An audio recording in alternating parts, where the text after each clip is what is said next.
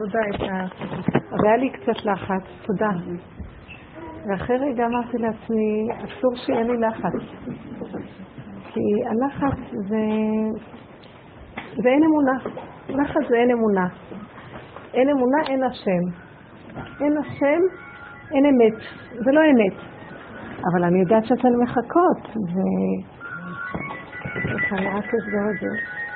ואז אמרתי, אמרתי לעצמי, הערך העליון של כל מציאות החיים שלי זה אני רוצה לחיות עם השם. אם לא, אני חיה עם השד. מה זה השד? וראיתי, מערכת החוקים של הטבע, היא אין לה רחמנות. אני אמרתי לנהג, אני ארד פה, נהג מונית, אני יורדת פה. אז הוא אומר לי, אני לא יכולה לעצור לך פה. את לא תתקעי אותי בפקק ותלכי לך.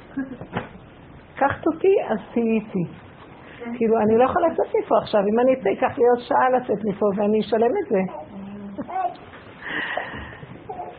אז אני ראיתי לרגע את התסכול מצד זה שאתן מחכות, את התסכול מזה שכמה אני אשלם לו, מה הוא חושב לו פה? הוא אומר לי, עוד מעט, עוד מעט. ואני ידעתי שאם אני אלך עם הלחץ, ראיתי את החוק של הטבע, הוא אכזר, החוק של הטבע. הרמזורים, הכבישים. הוא אומר לי, כאן אני לא יכולה... לא, הוא, הוא אמר לי, כאן יהיה פקח, כאן יהיה זה, כאן את לא יכולה לעצור, אני, את יודעת, יש שם שוטרים, אסור לי כאן, זה לא. אמרתי, הסתכלתי ואמרתי, איזה אכזריות הבריאה, ואין לי לאן לברוח, רק אליך. הבריאה, אתמול הייתה אצלי מישהי שאמרה לי שהיא מתה מפחד שיוציאו אותה מהדירה, אין להם כסף לשלם. והיא חיה במתח נוראי, כי אין להם כסף לשלם. ואז אמרתי, איזה אכזריות זה העולם. אדם בא לעולם בעל כורחו, ואין לו איך להתקיים, לא נותנים לו, סוגרים עליו, והוא במתח ולחץ נוראי. הפתח היחידי שנשאר לו להימלט, זה להימלט להשם. לך נמלטו אבותינו בך בטחו ולא בוש. עכשיו בפועל ממש, בידיעת המציאות שיש השם הרגע פה. מה, מה עשיתי? אמרתי לעצמי, מה מלחיץ אותך? נניח שאת היית יושבת עכשיו בכיסא, בחדר, בחדר בבית שלך בכיסא, ולא היה לך שום דבר, לא היית יודעת שיש לך פה פגישה, שם עניין איזה דבר, היית לחוצה? לא. אז למה את לא מתנהגת כמו שאת יושבת על כיסא וזה? כי אני, יש לי ידיעה שאני צריכה להגיע. אז כאילו המחשבה הייתה, השם שלח את המהלך הזה כדי שאת תתנהגי כאילו את יושבת בכיסא. הוא, אם, כי אם היית יושבת בכיסא בבית, לא היה לך שום עבודה. היית יושבת ואין לך שום הפרעה. עכשיו יש לך הפרעה, ואת צריכה לשבת בבית כמו בכיסא, עם ההפרעה. זה נקרא לחיות עם השם. להביא אותו לכל מצב. אני השם, לא שניתי. שם הוויה, גילוי שם הוויה. אז אני אומרת, טוב, התיישבתי בזה ואני אומרת לעצמי, מה אכפת לך? אבל לא נעים לחכות לי, זה לא, אני לא... מי בכלל? אתם שומעות? אמרתי, שלא יהיה, אז, אז, אז הם ילכו, אז שילכו. אז תפסידי, תפסידי כסף נניח. טוב, זה הדבר הכי קרוב, כי קרוב אליך דבר מאוד. אפשר לחשוב איזה כסף, אז אמרתי, אז תפסידי. תפסיקי כבר תלויה בכסף הזה, או בדמיון הזה. אז דמויות, אין לי ברירה, לא שאני מזלזלת בכבודן של הבריות, אבל זה קורה, את תקועה, אין, ילכו, ילכו. פתאום ראיתי, ואז התחלתי לדבר על הנושא של הכסף. פתאום ראיתי את השד הזה, איפה הוא מתלבש בכל כך הרבה צורות, והוא משגע את הבן אדם בתואנות שונות, ואז הבני אדם נלחצים. אמרתי, לא, נבטל את זה, נבטל אתכם, אתם לא נמצאות פה, לא קבענו. נבטל את העניין של בוא נגיד ההפסד, תפסידי את זה גם כן. תישארי בנשימה, כמו בן אדם שלא תלוי בשום דבר בעולם. הוא נושם ומתהלך בעולמו של השם, ולא חסר לו דבר. אז אני זוכרת שאמרתי לאותה אישה אתמול, אם את מפחדת, דווקא בעל הבית ידפוק בדלת, את אשר יגור אותי בעלי. אם את לחוצה, דווקא הפקק לא ייגמר. תסגרי את המוח, תגידי לה, תלכי את המחשבה שלך עד הסוף. מקסימום הוא יבוא ויוציא אותי מהדרך, אז הלך לרחוב. אז מה יהיה? דווקא, כשמשפחה יוצאת לרחוב, כל המדינה מתנדבים לעזור לה. אז מה את עושה עניין? ואותו דבר אמרתי לעצמי, אמרתי, אה, מנסים אותך, נורא קל לתת עצות לשני, הנה תראי, את עומדת במצב בדיוק כמו שאני אומרת, יוציאו אותי. אז אני אומרת, כן, התהלכתי עם הנקודה, אתן לא קיימות, הכסף לא קיים, העולם לא קיים, המציאות לא קיימת, לא משנה בכלל להילחם. והיה לי רגע של מתיקות ממש מדהים. כשנכנסתי בזה לעומק לעומק, ונכנסתי כאילו בדיבור, אין, אין בעולם כלום. תראו מה עשינו אצלנו בעולם. יש לנו אחריות ומחויבויות ומערכות יחסים שקושרות ומחייבות. ויש טענות ומעלות ודרישות וציפיות. ומה לא? והבן אדם עלוב, מסכן, מתרוצץ בין כאילו הוא תקוע בין קיר לקיר לקיר לקיר, סוגרים עליו הקירות, סוגר עליו המדבר של המציאות, ואני ראיתי, זה נחש. נחש שמתעתע באדם, שם לו חוקים כביכול וכללי משחק, ובני אדם מאמינים ורצים לתוך זה. נכון שאנחנו בתוך עולם ויש בו כללי משחק, אבל יש אפשרות אחת לצאת מכל הסיפור הזה, זה להיות קשור אליו בפועל ממש. כאילו לסגור את המוח ולבטל את כל הקשרים. כל הקשרים שמביאים לי את המועקה, הקשר עם השיעור, הקשר עם הכסף, הקשר עם הדירה ובעל הבית, הקשר עם הבעל שעכשיו ככה מפחיד אותי ומלחיץ אותי, ומה הוא יגיד אם אני אחזור בשעה מוכרת או מה אני אעשה, והקשר עם זה והקשר. הכל, אם ניקח את המקומות שאנחנו בהם כל כך שבורים וכאובים, ונתחיל להגיד למה אנחנו שבורים וכאובים. אז תראי איזה חוק שעוצר אותך, איזה כלל שעשית לך בחברה שעוצר אותך, או איזה כלל פרטי, או משהו במערכת המחשבה שהיא יצרה את המצוקה ולכן אנחנו חוזרים לפרק אותה בשורשה, מתפרק. תחזרי להשם. מה זה השם? המהות של הנשימה. נשימה, אין לך שכל, גולם, נושם. חיים אחרים לגמרי. ואני לא יודעת איך, וכשנכנסתי לזה לעומק לעומק, השתחרר הפקק. יודעת איך, טק, טק, טק, טק, משהו השתחרר. כי אני אמרתי, רק אתה יכול להתגלות במקום הזה, כי ככל שאני לחוצה ומתווכחת איתו, אז יותר נהיה פלונטר. הנחש מתקשיח בעמדתו, וזה יסוד הנחש מול בורא עולם. והשם שם את הנחש הזה. יש לו תפקיד מאוד גדול כדי שאנחנו נזיז אותו. תארו לכם אם הנחש הזה לא היה מתעכל, לא היינו יכולים אף פעם לעבוד איתו, כי אז הוא היה קו מאוד חזק. כי זה שהנחש מתעכל זה מראה שאפשר לצאת מזה, מבינות? מהחוקים האלה. מי הם שקבעו פה חוקים? מי הם בכלל שקבעו חוקים? מה זה חוק התורה? אמרתי לנהג, מה זה חוק התורה? הוא לא הבין מה אני מדברת. זה חוק שקבעו. ברוך אתה אדוני אלינו, שהכל יעבור. בעיקרון של הדבר, אני רוצה שנדבר, למה אנחנו יצאנו עכשיו מפסח? זה חג החירות, אני זוכרת מה שקרה לי ערב פסח ודיברנו על זה, אבל עכשיו, ערב פסח ממש, לא היה, לא היה שיעור מאז, אז לא יכולנו לדבר. אני, היה לי חוויה מדהימה.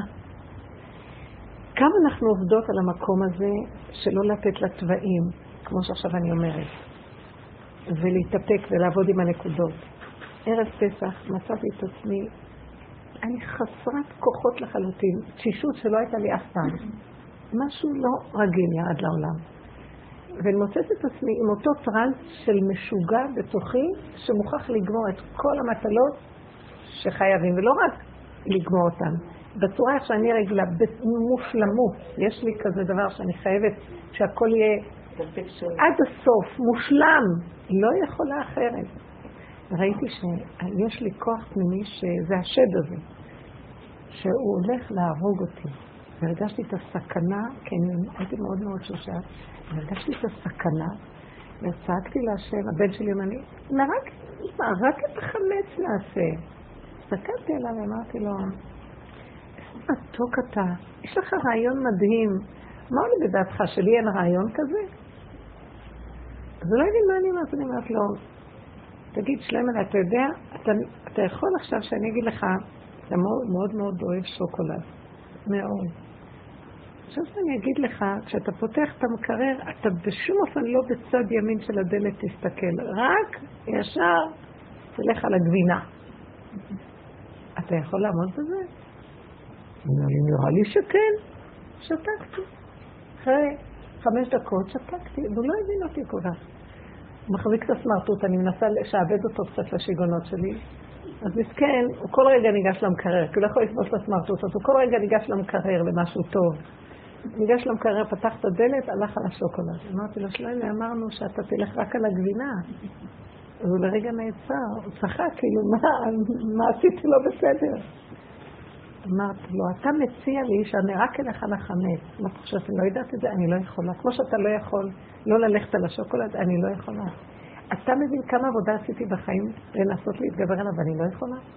וצעקתי להשם על ידי ואמרתי לו, ריבונו שלם, הוא יהרוג אותי השד הזה, ומה שאני יכולה רק לעשות זה להגיע להכרה שאני לא יכולה בשום פנים ואופן. לא יכולה. אז תציל אותי ממנו.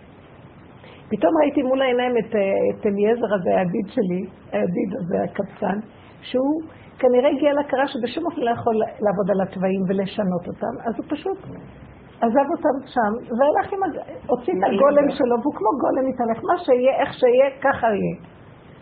והייתי עשר, בן חורין הוא. כי אי אפשר, אני לא יכולה להכריח את הנהג, אני לא יכולה לקצר את הדרך, אני לא יכולה לרצות אתכם. אני לא יכולה גם זה וגם זה וגם את הכסף. אני לא יכולה, לא יכול, לא יכול. אז למה שיהיה לי תקיעות בתסכול? אז אני נשארת מתוסכלת, כי אני עוד רוצה משהו. אני פתאום ראיתי שזה, שאני עוד רוצה להיות יכולה, זה הסכנה שאני אמות, הוא יהרוג אותי. כי הכוחות ייגמרו, ורוב בני אדם מתים, הוא, הוא גורם להם למות. רוב בני אדם מתים הם יכלו לחיות עוד. הם מתים מהתסכולים שעוד לא יכולים, או מהייאוש של החיים. הוא הורג אותם. הנחש הזה הורג בטרם עת את הבן אדם. כי בסופו של דבר, הצעקה תציל אותי מהכוח הזה ששוכן בעצמי והוא מארס ומחריב אותי. אני לא יכולה לו, רק אתה יכול. זה הביא, זה החירות של, כל החג הרגשתי את המקום הזה. לא יכולה, לא יכולה. אבא זה אתה, אני לא יכולה, אני לא יכולה. ההכרה שלה לא יכול. אמרתי לזאת אתמול, את לא יכולה להישאר בחרדה וגם תשמרי על הדירה. החרדות שלך, את אשר יגור אותי בעלי, הוא יביא, בעל הבית יבוא, ואת מביאה על עצמך צרות. תגידי, אני לא יכולה להחזיק את הדירה. אין לי כסף לשלם. אם השם אתה רוצה, שיהיה מה שיהיה, אני לא יכולה, אני מבקש ממך, תן לי לעבוד עם אותו כוח שחושב שהוא עוד יכול. והוא כפייתי בצורה חולנית, והוא בעצם מה שעושה לי את כל הרעש, אחר כך מביא לי דווקא את אשר יאגור אותי. אז אני מבקשת לך, אני מוסרת לך את הכוח הזה. מודעה ומסירה, זה כל הבחירה של האדם, לדעת את הדבר הזה, ובני אדם מתפתלים ולא מצליחים למצוא את הזווית איפה לצאת על ידי הודעה על האמת. לא יכולה. השם יושב ומחכה ששת אלפים שנה, מאז חטא אדם הראשון, הוא בא לאדם ראשון ואמר לו, המן העץ אשר ציוויתיך לבלתי יכול אכלת? אז הוא צריך להגיד לו, כן. סליחה. להודות באמת. מה הוא עושה? הוא מצטדק, מתנצל, מאשים את אשתו. מתכסה עם הלבוש, כאילו, וזה, כל זה שמרנו שהם ערומים, הוא נבהל. מה יש? קודם היו ערומים, וזה בסדר. פתאום זה לא יפה שאני ערום. מה היה קודם? גם היית ערום. מה רע בזה? השם ברא את האיברים, ככה הוא ברא את העולם. ראינו עץ מתבייש ומתלבש? ככה גם בן אדם. אבל זה השכל גרם למציאות הזאת. ואז בשכל יושב איזה כוח כפייתי נוראי, שכל הזמן מתנצל למה הוא לא יכול. בעצם הוא כן יכול, אבל רק במקרה הוא לא יכול. עוד קצת קט הוא יהיה יכול. וזה כל הכאבים שיש לבן אדם בחיים. אני ראיתי את זה, זה להיות בן חורין. זה, זה היציאת מצרים. אני הרגשתי שאחרי זה, אני כאילו, ההכרה הזאת, שאני עוד רגע אמות והוא יהרוג אותי, כי אני חייבת לגמור את כל המטלות לפי התוכנית, אבל הכוחות לא עומדים לי בכלל. ויכול להיות שבכוונה השם מביא עליי חולשה נוראית, שדווקא אני אכנע. ואז אמרתי, תודה רבה. כל העניין הוא רק לצעוק לך. המשוגע הזה בתוכי יהרוג אותי אם אתה לא תציל אותי, תציל אותי ממנו. זה הצעקה של האדם. תציל אותי מהמשוגע שנקרא השד, שנקרא הטבע וחוקות הטבע, שהם אכזרים והם לא רואים כלום, הם מכונה שבולעת. והאדם יש לו רק אפשרות אחת לצאת מזה, לצעוק להשם שהוא מזהה את המכונה. כל העיקר זה תזהו, תזהו את המנגנון של המכונה ותצעקו להשם, זה כאילו, תעצרו את הגלגל, אני רוצה לרדת. השם יעצור את הגלגל, הגלגל לא נעצר לבד בשום אופן. זה גלגל אוכל, לא תהיה פה גאולה רבותיי, לא תהיה. גאולה יהיה כשיש לקדוש ברוך תוכנית והוא יגמור אותה בתוכנית שלו. אבל הגאולה שהוא רוצה זה שלא הוא יביא את הגאולה, שאני אכיר שלא תהיה גאולה אם אני לא אצעק ואגיד די. עד שהם לא צעקו במצרים צעקה נוראית, לא היה הפסקה. לא היה. הם היו 210 שנים בעבדות. ולמה הם לא צעקו קודם? עד שהם הגיעו למקום הזה שאני הרגשתי במצווה. זה משוגע, המצב בתוכי משוגע, אני משוגעת, יש לי משהו משוגע, והוא שולט בי. התודעה הזאת שהתבוננה על משהו משוגע, ויש את זה במיליון וריאציות כל היום. עכשיו, שאני רוצה לכעוס על הנהג, ושאני לחוצה מפה, אני משוגעת. מה אני יכולה לעשות? לא יכולה לעשות כלום. אבל זה לא לא יכולה לעשות כלום במין חולשה ואין עונות, אליו. תגיד לו, ריבונו שם, תקעת אותי במערכת של חוקים איומה, שהורגים, המדינה הזאת היא נחש, היא נקראת מדינת חוק. גם חוק התורה הוא נחש, זה נחש מול נחש. וצריך לבוא משיח שיילחם מול הנחש של התורה, וינצח אותו, ויעצור את הכל. אתם יודעים? נחש של משיח הוא לא כמו נחש של טבע. זה נחש מול נחש, שתי הנחשים. והנקודה של הנחש, הוא ינצח את הנחש של החוק. מה הוא יעשה? הוא יראה להם שחוקות הטבע, הוא יראה לנחש שחוקות הטבע הם לא כמו שזה נראה לו, הם עגולים, הם רכים, הם מתחשבים, הם שייכים עם מציאות האדם. מה הוא עשה? הוא כמו איזה נאצי, הנחש הזה. ככה וזהו. הוא לא יכול להבין משהו אחר, גרמני. קשה על מה זאת אומרת ככה? תצאי מהבירה לא שילם. אבל אין לי, אז תהיה ברכות איתי. טוב, יהיה לך ותביאי לי. כי חוק האמונה זה סבלנות, וחוק הנחש אין לו סבלנות. היקים מאוד לחוצים, אין להם סבלנות. זה עכשיו צריך להיות צורת החשיבה ביסודה של הנחש. זה מדינה של העשירים. איך? אני חושבת שזה מדינה לעשירים, לא, ל... לא לפשוט, או לחד-הורית, או... הוא אכזר, זה חוק אכזר. אלמן עם שמונה ילדים. מי? כמעט קורסת, והיא לא מבינה, אומרת לי, לא, זה גיל המעבר, ואני רואה, אני הלכתי לבית הזה, ואני רואה בחורה כמעט באותו גובה שלה, שמועמדת לשידוכים, כאילו, ויכול הילדים של הבעל. אה, והיא צריכה לטפל בהם. והיא עם השל השחור, קיבלה על עצמה את העול של הצדקות תפרנס שלה, אני לא קולטת אפילו שזה, שהיא קיבלה עול מאוד גדול. אני רואה את זה, אירחתי משפחה עם עשרה ילדים, אחיינית, 12, יחד עם ההורים, ועוד תינוקת שנולדה בינתיים, זה לא נחשב. ואני מסתכלת, אימא קטנה, ויש לה ילד חולה במחלה. ריבונו שלם, איזה אכזריות. הבן אדם הזה לא חי, היא אפילו לא יודעת שהיא לא חיה. היא עוד מורה בבית, היא גם מורה בבית יעקב, היא גם מורה. זה העיוורון שבחסד. אתם לא מבינים, זה משהו, זה, אני אומרת, איזה אכזריות. אין לה רגע, שום רגע לעצמה, גם לאכול בקושי יכולה. אבל היא אוחזת, כל היום אני אוחזת. והיא במשך חי. והיו לי שיחות, כבר כמה פעמים, אני, השם שולח אותה לפה כדי, ולאט לאט אני רואה את הבקיעים. בלילה חלמתי על איזה זוג, אני מסתכלת על בעלת תלמיד חכם, אבל הוא בייאוש מוחלט, בייאוש. הוא לא יכול, כי רגע ככה, לא אמרתי לכם, כל כל, רוב המשפחה זה בנות. כל בת שהייתה נולדת לא היה מתקשר להגיד לנו מזל טוב, נולדו לי עוד 120 אלף דולר לחתונה.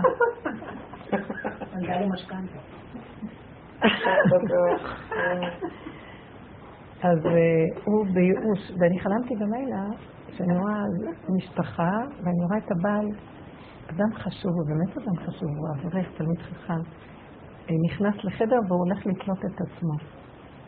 והאישה נבהלת ומנסה לעזור, היא דופקת לו בדלת, ואני רואה את האישה, היא, יש לי איזה דודה שהזכירה לי את הדודה הזאת, בחלום היא הייתה נראית לי כמו הדודה. היא לא מבינה איפה הוא נמצא לחלוטין, היא אוחזת. היא אוחזת, היא גדולה, היא אימא, היא, היא, היא נאבקת, היא מתמודדת, היא מסרבנסת, היא מחזיקה. והוא קרס, והוא גבר, והוא גדול פי חמש ממנו, הוא ענק, והיא קטנה, והוא מתאבד, בחלום ראיתי שהוא מת... אבל לא הבנתי של מי החלום, כי זה היו דמויות אחרות לגמרי, פנים אחרים, וכשהתבוננתי והבנתי שזה זה החלום. וראיתי, עכשיו, הסתכלתי עליה בחלום, לא רק בשביל להסתכל עליה ולספר לכם עליה, ראיתי את עצמי. אני בדיוק אותו דבר. אני מחזיקה בית של תורה. אני מחזיקה. ואני אארח, ואני... ולמרות שאני מאוד עובדת עם זה ומשחררת, כי אני כל הזמן מתבוננת, עדיין אני יכולתי להבין אותה. אנחנו הנשים בדור הזה השתגענו. וכל אחת, כשהתבוננתי ואמרתי, למה ככה צריך להיראות? איזה אכזריות יש בעולם הזה. הנחש יטיל עלייך את כל היום שאת רק רוצה. עוד אחד ועוד אחד, ובתוך כל הילד, המחלה של הילד, ובתוך כל העניות, ובתוך כל הלחץ, ועוד בת, נולדה להם עוד בת. הבן הזה היה, ישב בשולחן, אני ראיתי, בכלל, לילה חלמתי שהוא רוצה להתאבד, והיא ברגע האחרון מצילה אותו, אבל בכלל לא מבינה איפה הוא נמצא. כי היא, היא הצילה אותו, ויש לה עוד משהו לזכותה שהיא הצילה בחיים. אתם מבינות? היא בכלל לא יורדת להבין איפה הוא, ואולי תעצרי, כי את גורמת לו את המצב הזה. מה זה הדבר הזה? לקחנו את כל הכוח של הבריאה, אנחנו לקחנו. אנחנו כוחניות. הכל עלינו. וגם הגברים כבר רואים אותנו, הם נבהלים. אנחנו סירסנו אותם, וגם את הבנים, ואת הילדים. ככה זה נראה. אני רואה את הבנות שמתחתות, אין להן כוח לעשות כלום, הן חלשות מאוד מאוד. יש משהו באימא, בדור של, לא יודעת, הדורות האחרונים של האימהות, שהיא מאוד מאוד קשה ומסוכנת. ואם היינו רגע נעצרים ואומרים, לא, ומה איתי? מה, אני לא צריכה לחיות? מה, אני לא בן אדם? למה אין השם שחי כל אחד ואחד לבד? אתם קולטות מה אני מדברת? משהו חולה בצורה נוראית, וזה, הגאולה זה להתבונן בו ולהגיד, אני לא רוצה. זה הגאולה. הם צעקו להשם שהם לא רוצים יותר לראות איך שהם נראים, והשם מושיע. זה לא שאני יכולה להוציא את עצמי מהמצב הזה, אני יכולה להכיר את החולי הנורא של מציאותי, כל אחד באשר הוא. אחד בעל גאווה ומתחשב כל הזמן איך השני ואיך הוא רוצה לחכות את כל איך זה, וכל הזמן הוא עכשיו מה הוא לא יהיה ברמה של כולם, הוא גם רוצה להיות ככה, ויש לו דמיונות מה, מה כולם נראים איך שהם, אף אחד לא רואה באמת את השני איך שהוא באמת. אנחנו רואים איך שנדמה לנו מה שזה השני. ואז אנחנו משעבדים את עצמנו לנסות להחזיק באותה רמה של הדמיון שנראה לנו. אם היינו נכנסים אליו הביתה, רגע היינו רואים שהוא כולו חורבן. ככה נראה העולם. דמיונות. וצריך לתפוס את אותו כוח שמדמה ועושה לנו את הסבל הזה, הנוראי. זה סבל נוראי. אתם מבינות מה אני אומרת? אז אמרתי לה, תשבי, מה, מה זה לראות אותו? פתאום לראות, וואו, משוגע, שולט בי.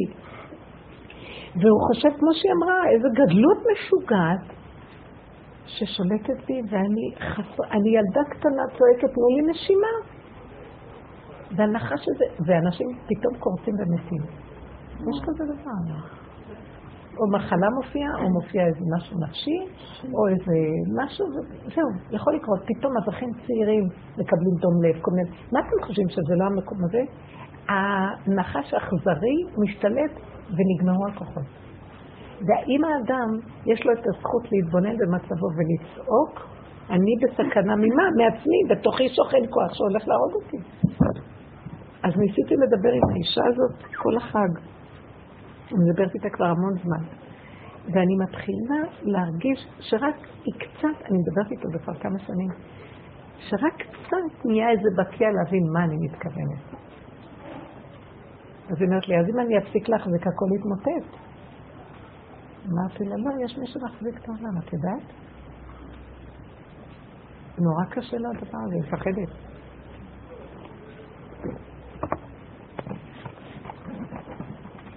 כי באמת, העולם איך שהיא בונה אותו התמוטט, אבל הוא יתקיים. לא כמו שהיא חושבת שזה צריך להיראות, אבל הוא יתקיים יפה מאוד. רגיעות ושקט, ויש חוק אחר שמחיה, ונותן לכל אחד מה שהוא צריך בדיוק מה צריך, לא בתוספות ולא בשיגונות ולא בלחץ ולא במתח. ואני רואה את הבנות שלה, שהן בדיוק כמוה גם. שליטה בכוח. לאבא היה יום הולדת של 40. אז הילדה הגדולה עשה לו הפתעה. והיא התקשרה לכל התקשרה לראשי הישיבות שהוא התחנך אצלהם, התקשרה לכל גדולי התורה בעיר, ואמרה להם, לאבא שלי יש יום הולדת בגיל 40, אז אני מבקשת שתעשו לו הפתעה ותתקשרו להגיד לו מזל טוב. 120 אנשים התקשרו אליו. הוא אמר, היא הרגה אותי. ואתם מבינים, אנשים חשובים, שזה לא עושה פה, זה לא נעים. מה עשתה לו? והיא חשבה שהיא עשתה לו את החיים. הוא אמר לי, את מבינה מה זה לקבל טלפונים? רגע לא נגמר, עוד טלפונות, טלפונות, טלפונות, טלפונות. המון טלפונים, הוא אומר שישבתי איזה שלוש שעות וקיבלתי טלפונים מאנשים. ולהיות נחמד לכולם, ולרצות בלי סוף. צריך לנתק, מחילה, אנחנו גם לא יודעים לעשות את הפעולה. אבל הוא רצה לרצות את הבת שלו, ורצה לרצות את הראשים, ורצה לרצות את האברכים, ואת כל המקורבים, והוא רצה לרצות. לא את אה? כן, אז אחד, ראש ישיבה אחד אומר לה, אז מה את רוצה שאני אעשה? אז היא אמרה לו, תראה, אתה מבין, עם המצב שלנו, אתה צריך עידוד. כאילו, תראי באיזה צורה היא באה לעודד אותו. איך בית יעקב היום רואה מה זה עידוד? שעוד 200 אנשים יעשו לי, תנו לי ללכת למדבר ולחיות לבד. מה אתם עושים לי? אתם מבינים? קצת להיות לבד ושיהיה לי טיפה זמן שלא תטפל בזה או בזה או בזה כשהאישה עסוקה עם זה וזה וזה. כן. אני מבינה אותה גם, מסכנה הילדה. והוא רק מחפש איך לברוח, אז סידרו לו בלונים וכל זה. מחפש, תנו לי איזה שקט באיזה מדבר עם איזה ארוחה בשקט, שאני לא אצטרך לחתל ילד, לטפל באף אחד, לקום בלילה לאף אחד, לא לעשות שום דבר, לא רוצה לעשות כלום. הייתה תקופה שהיא אמרה לי שהוא נראה מפחיד, מפחיד אותה אפילו לכולל אין לו כוח ללכת. אמרתי לה, תני לו לעשות משהו רק עושה עכשיו. הוא לא יכול להחזיק מעמד, כי היא, אנחנו תפסנו את המקום של הכוח, אפילו שאנחנו עובדות מאוד קשה, אבל יש לנו איזה סיפוק שכאילו אנחנו תופסות משהו. הנחש הזה זה הסיפוק. ונראה לנו שמזה אנחנו חיות, אבל להם אין, לקחנו להם את הכוח, לקחנו להם את החשיבות, את הכל. אין להם כוח, הם כאילו המטפלות שלנו, עוזרים לנו, הם איבדו את הכוחות. הנשים סירסו את הגברים פה. זה הנחש דרכנו מסרס. זה מה שאמר, כל הבן הילוד, אורה תשליכון ואת הבת תחיון, זה בדיוק מה שקורה.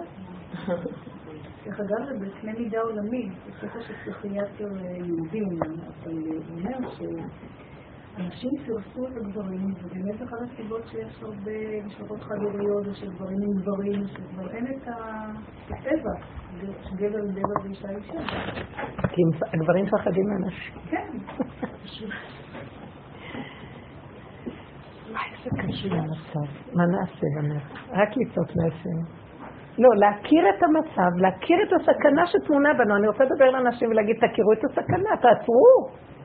כי דבר ראשון זה מזיק לך. את חושבת שאת בשיא, בטופ נראה לך במקום, הנפש שלך צועקת הצילו, אין לך קשר עם הנפש יכולה. הנפש רעבה, הילדה הקטנה שבך צמאה, רעבה, חלושה, מדוכאה, היא מוזנחת, היא מסתובבת בכבישים לבד בלילות. מבינה? אם היינו רגע נעצרים, ככה זה המצב שלנו. אני רואה את זה, ואז כל החג ליווה אותי, כל הזמן אני רואה את זה, אבל הפעם ברמה חדה מאוד. וראיתי שהשם, צעקתי עליו, הוא ריחם עליי מאוד. היו אצלי מלא אנשים ואני לא עשיתי כלום. אני לא יודעת איך זה קרה. כולם ניגשו וכולם נסעו, והכל היה בהרמוניה, כאילו השם אמר לי, צעקת אליי ועכשיו תראי. יהיה חג, יהיה הכל, כולם יבואו, לא שתסלקי אותם ותשארי לבד, אבל את לא תעבדי קשה בכלל, כי את כבר שייכת לי. ראיתי איזה משהו, הוויה נכנסת, היא מנהלת את הכל בצורה שכאילו יש טבע וזה לא הטבע בכלל. הכל מסתדר, ואת לא מחזיקה, לא שולטת, לא מנהלת, לא מתפקדת כרגיל, לא עם התודעה שאני המתפקדת ומסדרת. בואו כבר לאכול הכל מוכן. הם קראו לי לאכול. זה היה מעניין, ואף אחד לא הרגיש שיש פה עבודה קשה ושהוא עובד קשה, כאילו משהו, יד השם נכנסה. וככה הוא ייכנס בעולם שלנו וינהל אותנו, ולמה אנחנו לא נותנים לו? אז בואו ניקח איזה דוגמאות של מצוקות שיש לנו בחיים ונפרק אותן ונראה איפה הנקודה שלנו שאנחנו צריכים לצעוק. הסיבה מבחוץ שיצרה את המצוקה היא רק המראה. כל הזמן, אין לי מה לפנות לשני בכלל. כן. אני רציתי לספר שבדקה שלי אני דרכי, השם דרכי עוזר לאנשים שיש להם בעיות עם עודף משקל, כן. שאוכלים ובולמים וככה. איש אחד שהייתי עובדת איתו, הוא באמת מאוד, איש שהוא עבר ניתוחי לב ולחץ דם גבוה וסוכר וסוכרת, ובאמת מאוד מאוד מצב קשה, והוא ממש הצליח, השם עבר לו גם דרך חיבור בורא עולם הוא התחיל מאוד יפה אה, להיות יכול לא ללכת אל החומרים האלה שמזיקים לו. ובפסח הוא נפל, נפל במובן הזה, והוא התפרע וחי וכל זה, ואז... מה יש לאכול בפסח? אל תדאגי, יש לי עוגות, עוגות עם סוכר ועם כתפת, וכל מיני דברים שאסור לו ממש להתקרב אליהם, כי בשבילו זה סכנת מוות. ואז הוא התקשר אליי וסיפר לי את כל זה, אבל הוא אמר לי, תשמעי, אני לא רוצה את כל זה יותר. לא רוצה, לא רוצה את השם, לא רוצה את התוכנית הזאת, לא רוצה שום דבר, לא רוצה כלום, תעזבי אותי בשקט. הוא התקשר אליה להגיד לך שתעזוב אותו בשקט. אז אל תתקשר אליי וזהו. אתם מבינים מה הוא אמר? הוא התקשר אליה להגיד לה, אל תעזבי אותי בשקט. נכון, אז אמרתי לו, תראה, אז יש לך שתי ברירות, ממש שתי ברירות. או שאתה תמשיך ככה ותמות, או שתמשיך את ההצעה הזאת שאיתה הלכת עד עכשיו והיה טוב. אז אמר לי, לא, לא, לא, אני רוצה להמשיך וכל זה, ודיברנו. אמרתי, לא תגיד ישר, תשאר עם עצמך קצת ותחשוב, תחשוב מה אתה באמת רוצה. ואז כעבור כמה שעות הוא מתקשר ואומר, אני מעדיף למות. לא רוצה יותר. ואמרתי לו, תראה, אני פה, והשם פה, ואם אתה תרצה אז נמשיך, ואם לא, לא. אבל סגרתי את הטלפון והולך לי כאלה סיכות לב, כי זה מאוד, זה לא איזה תיאוריה, זה בן אדם חי, יכול להתאבד, יכול להתאבד. שאומר לך שאני רוצה למות, ואת קודם היית איתו דרך בורא עולם בחיים. והוא חי, ועכשיו הרגשתי מאוד, לא הייתה לי ברירה, סגרתי את הבן שלי עמד במטבח ושמעתי מדבר, הוא אמר אמא, איך את מדברת? מה את אומרת לו שהוא ימות? מה, את יודעת להגיד על מישהו? אבל כן, אבל כן, באמת כן. בלי חיבור לבורא עולם ועזרה דרך איזה צינור לסדר את העניינים האלה, הוא לא, הוא לא יכול, לא יכול. תראי, הלא יכול הזה שלו, אם היית מלמדת אותו, תצעק את הלא יכול להשם, זה בסדר, מה שקרה לך הוא חירות גדולה. אמרתי. קודם כל, אני נתתי לך תוכנית וחשבת שהתוכנית תסדר אותך. עכשיו, הגעת לפסח, פסח הוא מהלך שמעורר משהו אצל האדם. מה הוא מעורר? אפשרות של חירות. מהי אפשרות החירות? להכיר כמה אני חולה. והוא הכיר את זה, ואז במקום שהוא יצעק כמה אני חולה ורק אתה יכול לעזור לי, הוא נפל בייאוש של כמה אני חולה.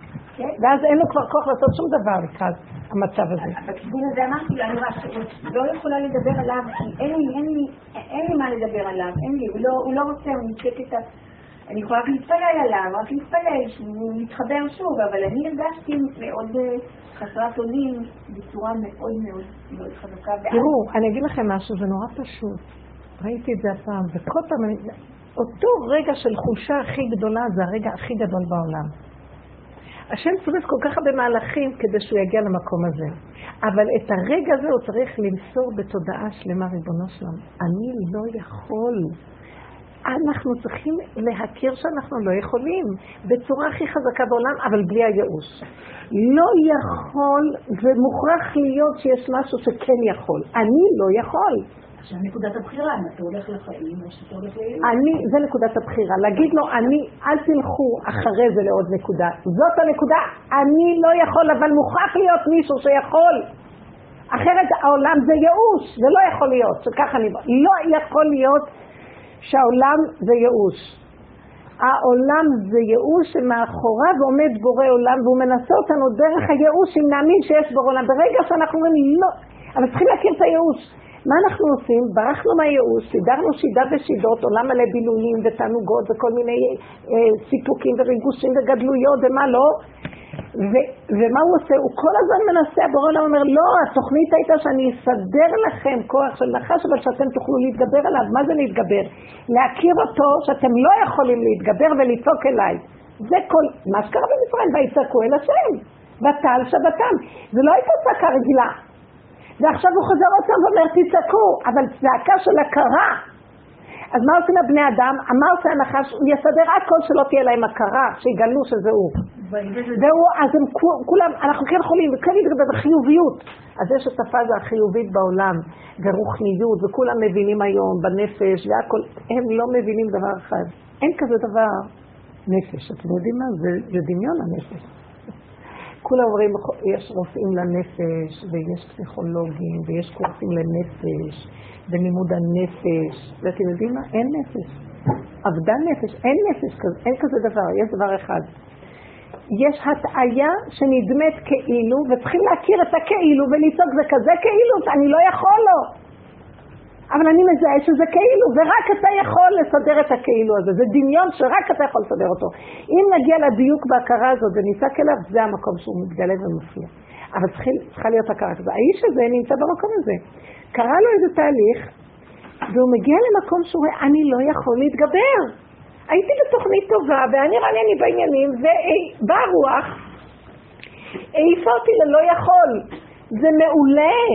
רק דבר אחד, שתצעק עד כמה אני רואה שאני לא יכול. גם התוכנית הזאת היא תוכנית, אבל היא עוד תוכנית של יכול. ואני צריך להכיר, ש... כי את עוזרת לו, ויש תפריד. לא, לא, לא, גם התוכנית אומרת אני לא יכול, רק הוא יכול. בסדר, בסדר, יכול להיות. אני לא רצה לקחת את זה, טוב. אבל יכול להיות, הוא לקח את זה, ואני יכול, יש לי תוכנית שאומרת שאני לא יש אנשים שאומרים, עדיף לי לחיות חצי שנה ואני אעשה מה שאני רוצה, מאשר עשר שנים בתוכנית... אה, מרגיזה, כן. נכון. אבל מי שהתחיל בזה זה עשיו בעצם, זה עשיו לבכורה, שהיא מביא לנשים. כן. היצריות המיידית.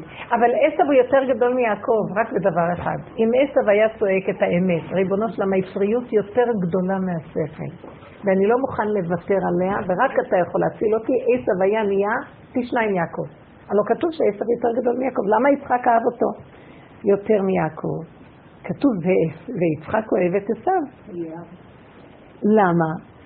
בגלל שהוא ראה שיש בו משהו לעתיד לבוא, יצחק מלשון עתיד. יש לו את האור של העתיד לבוא, אם הוא רק יכיר, יש לו כל כך הרבה יצרים, והוא כל כולו אש היצריות, ועם האש היצריות הזאת, השכל לא יכול לעמוד בה. ברגע אחד, כל נזיד העדשים הזה גנב אותו וויתר על הבכורה. זה שיגעון, לדורות. זה מראה על כוח היצריות, ואם רגע אחד היצריות יסודה ברצון, באותן אותיות, צדיק רש. הרצון זה מקום יותר גבוה מהשכל. ואם הוא היה רק צועק את זה להשם, ריבונו שלם זה יצריות, שמתגברת על השכל ואני לא יכולה, והשכל אמור לנהל את האדם, הוא עכשיו להתעלם, אני לא יכול, רק אתה יכול, תציל אותי, תסדר אותי. את זה הוא לא עשה, הוא הלך בשרירות ליבו. לכן הוא נשאר עשיו. ומוישה רבנו היה בדיוק כמו עשיו, רק הוא צעק להשם שהוא לא יכול. למה הוא לא רצה ללכת להציל את עם ישראל ממצרים? אמר, לא יכול, אני, אני יודע מה יקרה לי. אני אדם כעסן, אני לא יכול, אני אפול בזו. והשם הכריח אותו, הוא אהב את המקום הזה שהוא אמר לו, אני לא הולך, לא יכול, כי הוא הודע על האמת. אה? תבוא איתי. אם אין פניך או לא תימנו, אני לא יכול, אז אתה חייב לבוא. תבטיח לי שאתה בא איתי, כי אני לא יכול. זה מצא חן בעיני השם. וזה ההבדל בינו לבין עשיו. אבל הוא גם כן היה, חז"ל ישבו אותו לבלעם. משה רבנו ובלעם היו במדרגה, אפילו בלעם היה יותר גדול, אבל משה רבנו בדרגה שלו, שהוא גדל על בלעם, זה בהודעה על האמת ובקשת הרחמים. זה בדיוק הנקודה של כל הבחירה, אין בחירה אחרת. התוצאה שייכת לבורא עולם. ההכרה שאני תקוע, תקיעות עולם בתוך חוק של נחש, שהוא גדול עליי, מי יכול לצאת מהנחש הזה? זה חוקות טבע חזקים? אף אחד לא יכול לדבר על הטבע. אפילו שיש לנו דעת של תורה בתוואים, אנחנו מלקקים ואכלה ומחתה פיה. כאילו אנחנו. אבל כל אחד, ידיים יש בנפשי, כל אחד יודע בנפשו איפה הוא מחפש ומסדר לפי האינטרסים של עצמו את הדברים שלו. ולא בדיוק לפי דעת תורה. כמה שאדם יעשה. אני רואה שיש אחד שאני מכירה שהוא ממש דקדקן במשפחה, דקדקן, דקדקן, דקדקן במצוות, והוא כל כך מדקדק שהוא שהוא ממש נחש. אני רואה את היקיות הנחשי, שזה פשוט, הוא לא יכול אחרת. אז אני רואה איפה הוא כבול כאילו הוא כן יכול. וזה החולי הכי גדול, שהוא לא יכול לעצור ולהגיד, לא, אני לא יכול, כי גם, גם להיות יכול ולעמוד בחוקות התורה, זה גם נחש. כי הלא יכול, השם ישב ומחכה ששת אלפים שנה. אדם הראשון היה רק מודה באמת, היה תיקון לעולם. הוא לא יכול היה להודות. ומחכה, דוד המלך הודה. אז הוא מחכה לדוד המלך, שיודע, זה כל השיטה של דוד המלך. זה לא, ואנחנו אומרים, אה, זה כישלון. זה, רב אושר אמר, דוד המלך הכיר שהוא מציאות של נפילה, והוא לא יכול. הוא היה נפל. היה אמור להיות נפל. הוא אמר, אני לא יכול, רק אתה יכול. זה כל מה שאדם צריך לעשות, והוא לא מוכן לעשות.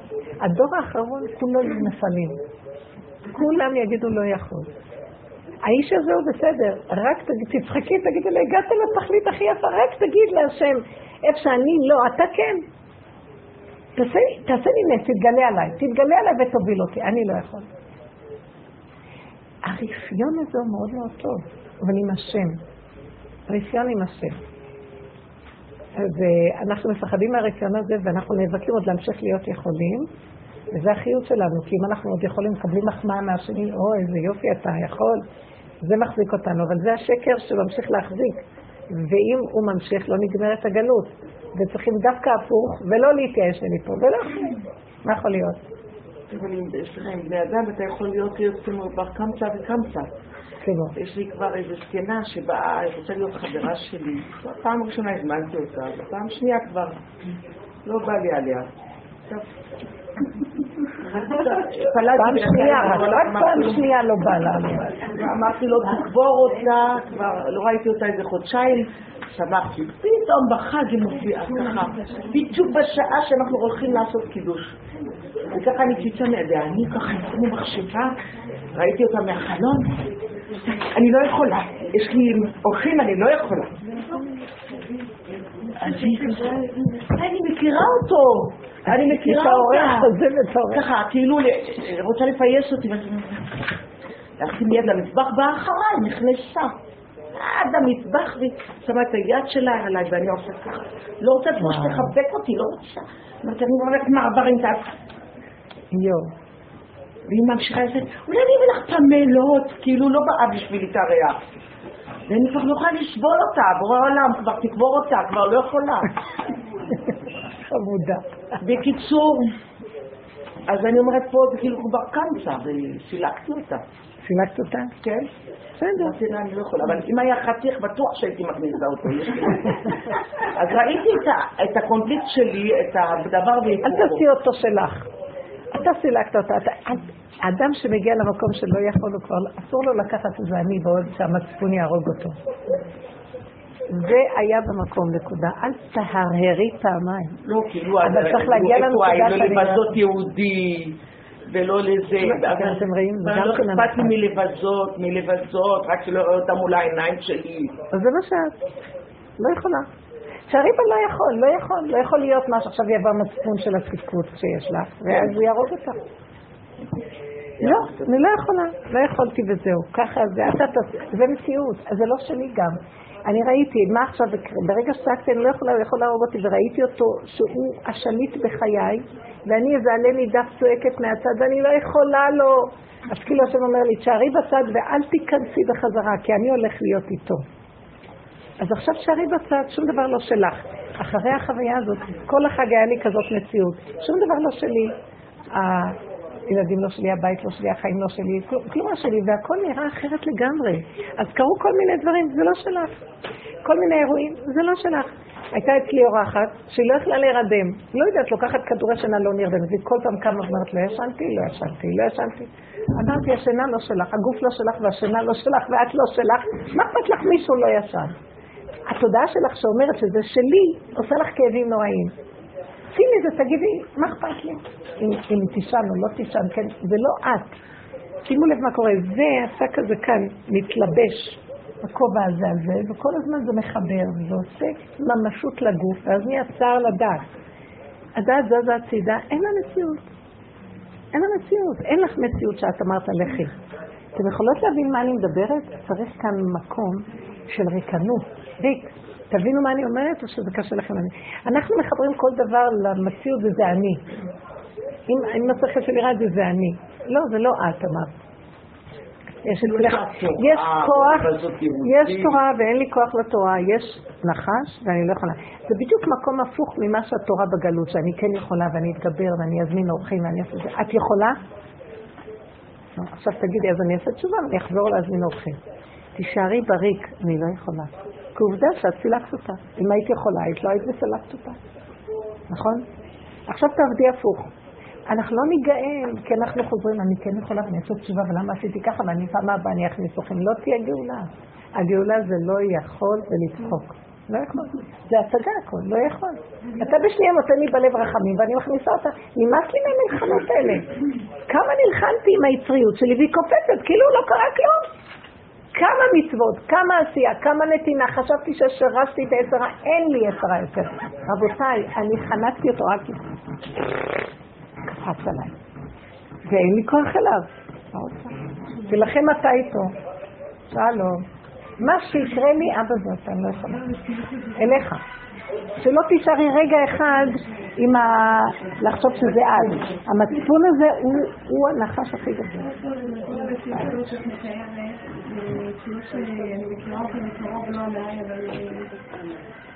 דמות שאני מכירה אותה מקרוב, שממש זהו, הגיעה, הדמות הזאת הגיעה למצב שהיא לא יכולה כלום.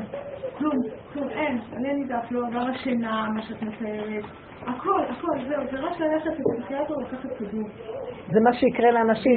זה השם הביא אותנו למקום הזה. ואם אנחנו לא מכירים, שנייה, אנחנו נגיד רק פסיכיאטר. אבל הדמות הזאת היא נלחמת והיא לא רוצה לקחת את הכדור הזה. אבל מדברת עם הדמות הזאת, היא אומרת, לשלוח, אני כבר לא יכולה, אני לא יכולה, לא יכולה. אני לא יכולה... כלום, לא לישון בלילה. אתם רואים? זה מתחיל להיות. אני לא יכולה אליו. אבל זהו, אבל זהו. עכשיו, השאלה היא, את מדברת על מקום שאנחנו עוד פחות או יותר מתפקדות פה, מדברים על דמות שכבר מצב אנוש. תקשיבי רגע, הדמות הזאת... לא. תראי, את רואה מה עושה השכל? הדמות הזאת לא קשורה אליך שתדאגי לה. הדמות הזאת באה אליך שתדאגי לעצמך, את הולכת להיות כמוה אם לא תתחילי לעבוד לפני שזה קורה. שמעת? ואז גם יתקבל ישועה. תבינו מה אני מדברת. השם שלח לה כזה דבר, לראות, את רואה, את באותה סכנה. תתחילי, שעדיין יש לך עוד כוחות ואת חושבת שאת יכולה להתחיל לפרק את הכוחות. כי זה נקרא גאולה בבחירה, אני מפרקת ולא שהשם כבר יביא איזה מצב, במילא אני אמות, אז מה? תתחילו קודם, תתעוררו להכיר, כל מצוקה, כל כפייה שיש לכם, הכפייתיות הזאת זה שיגעון ממש. זה שיגעון הכפייתיות. אתן לא יכולות כפייתיות, זה כוח. אם דבר, אם את יכולה, זה כשזה הולך ככה. את עושה וזה נהיה, עשינו כזה, זה יכול. זה כוח זה לא נקרא להיות יכול. זה נקרא כפייתיות. זה נקרא אונס. זה לא יכול, זה לא נקרא יכול. יכול זה את מושיטה את היד וזה עד אלייך והכל מסתדר. דבר ראשון לא מסתדר, תרפי. אני לא אמורה להיות יכולה לארח אותה. למה יש לי כזאת התנגדות? ובגלות, הדעת, הנחש של התורה אומר, אתם כן יכולים. יכלנו מעץ הדעת, ואתם כאלוקים ואתם כן יכולים. מגיע סוף הדורות, כמה הכנסתי אורחים? כמה, כמה, כמה? וקם עליי כוח כזה שאני מרגישה שאני לא יכולה יותר כלום. איך אני אכניס את כל האורחים האלה? אני לא מסוגלת לסבול אף אחד ולא יכולה לעשות לאף אחד כלום. מה עושים הדמות הזאת? מה עושים איתה? מה איתה? כן, אבל זה בן אדם, זה אחת הדמויות שחיות בתוך הבית. תגידי לה, תגידי לה ככה. את? ולא תגידי בת דודה שלי או אני יודעת מה, זה ממש בתוך הבית. תגידי ככה, את במצב הכי טוב, אם את המקום הזה תיכנס לעומק ותכיר את האין אונות שלך, ותעלי את זה להשם בצעקה. תגידי, אבא, אני לא יכולה, רק אתה יכול. אתה מראה לי את האין אונות שלה. אנחנו כולנו באין אונות, רק בדמיון של אונות. אין לנו שום טיפת כוח, אתם לא מבינים? לנשום אם הוא רגע מעקם לנו מה שלא מסוגלים. אף אחד לא יכול כלום, זה מנהר של דמיון, וכולם רצים בדמיון הזה, והוא היום מכה אותו, והוא נשאר, ואז הוא מבוהל, אז הוא משקיע עוד יותר כוחנות, עוד יותר, זה גל. שאנחנו לוקחים כוחות, יש מאין, מאיפה? מעצבים, להרפות ולצעוק, אבא, אני לא יכול. תחנונים ידבר, הוא יהרוג אותי הכוח הזה של היכול. הוא יכלה אותי בגלל שאני לא יכול, והוא כאילו ברוח שערה כן יכול, ואני לא יכול. אתן מרגישות שאתן לא יכולות, אבל יש איזה משהו שכן גורם שכאילו אנחנו יכולים. המקום הזה מקום מסוכן. ולכן אנחנו צריכים לדעת להרפות ולבקש רחמים. אבא תעזר, אבא תרחם. הוא מסוכן, אני הרגשתי שאני הולכת למות. זה מזה. מסוכן בנות, תעצרו. אמרתי לאותה אישה שלא ישנה, והיא לוקחת כל הכדורים שיש בעולם, נפתח. היא לא ישנה. אמרתי לה ככה. אז תגיד, אמרתי לה, למה את צריכה לישון? אמרתי לה, אז המחשבות שלך שוות לך, לא ישנתי, כן ישנתי, לא ישנתי, כן ישנתי. תוציאי את האני שלך מהמצב, וכאילו את לא שייכת למציאות הגוף. תתחילי לנטרל את המוח שמשייך את עצמו למצב. אתם מבינות למה אני מדברת? קשה. אבל המחשבות ממשיכות אצלם, הם לא. נשלטים עלייך. כן, שכן, עוד פעם, לנטרל את המוח שלה? תנטרלי, מה שקרה לי, אחרי שצעקתי לשם שיכול להרוג אותי, הרגשתי מה הוא עשה לי. הוא אמר לי, כלום לא שלך, צאי הצידה, וזה שלי החיים. אם את משייכת את עצמך לדבר, אז זה שלך ויש לך בעיה. אם כל פעם שקורה לך משהו ואת לא יכולה, את אומרת, זה לא שלי, לא שלי. כי אם הייתי יכולה, הייתי עושה לא שלי. אתם לא קולטות מה אני אומרת. לא שלנו פה כלום. כי אם הייתי יכולה, זה שלך. לא יכולה. אפשר קצת מים? המחשבות. לא, אתן לא צריכות להאמין, אתן צריכות לראות שאת בסכנה והולכת למות. אדם רואה את המוות, אז הוא לא יברח? תברחי, שזה לא שלך המוות. את אומרת, זה מוות, זה מוות. זה לא שלך? אבל זה שהוא זה קורה. לא, זה לא קורה. זה דמיון שזה קורה. כלום. לא, תראי, ההיא נכנסה ולא יכולת לסבול אותה, נכון? נכון. את תגידי, אני לא יכולה לטפל במציאות הזאת. למה את חושבת שאת יכולה להכניס אותה כאורחת? אם את לא מסוגלת להכיל אותה. אני צועקת להשם, אני לא מסוגלת לנקות עוד טיפה והסמרטוט והשעה שתיים לפנות בוקר והגוף שלי הולך להתמוטט, סחרחורות, ואני, הוא ממשיך, הוא טרנס, הוא פשוט פורפרה של טרנס, ואני קולטת שהוא הולך להרוג אותי. אני יכולה ליפול ולהתמוטט ולמות, והוא ימשיך. ואז הבנתי את הסכנה שלי, ואמרתי, אני לא יכולה לו, הוא ימשיך לשעבד אותי, ורק אתה תציל אותי ממנו. את רוצה להגיד, את, אני אגיד לך מה את צריכה לצעוק, את צריכה לצעוק, אני עוד חושבת שאני צריכה להיות צדיקה לארח אותה, והיא תהרוג אותי הצדקות הזאת. לא יכולה. לא, אה, כן, ידונו אותך אחרי 120. תבואי לבית דין של מעלה. אם האדם ילך בדרך שאנחנו מדברים, יגידו לו, יגיד להם, נכון, נכון, נכון, לא יכולה, לא יכול. לא יכול, קחו אותי לבית דין של השם. הוא יראה לכם, הוא רואה ללבב. אני לא יכולתי, לא יכולתי. באמת לא יכולתי. תתאמנו ולא יכול. תתחילו לראות, העולם נרגע, אבל תצעקו להשם שהוא יחזיק את המערכות. המערכות שייכות לו, תודה. המערכות שייכות לבורא עולם. תודה. המערכות, העולם שלו, הילדים שלו, הבן שלו, המשפחה שלו, החיים שלו, הנשימה שלו, הגוף שלו, הכל הנשמה לך והגוף פה הלך. יותר מזה, כל מערכת הרוחניות שלך וכל מערכת הגשמיות שלך. מה נשאר לי פה? זה, זה השקר של התודעה, שאני חושבת שזה שלה. וייתן כאלוקים. אז לא הייתי מתחילה לעבוד על זה אם לא הייתי רואה שאני תקועה, תקועה, תקועה, תקועה. כשראיתי את ההבדל בין המציאות שלי, החולשה, אין לי נשימה, ובין המשוגע הזה עוד סמרטוט, עוד אקונומיקה, שלוש בלילה, מה יש? תשעבדי את כולם, משוגע. ראיתי את הקונטרסט וידעתי, אם אני אמשיך איתו, אני אמות. פתאום באמצע יקראו אמבולנס.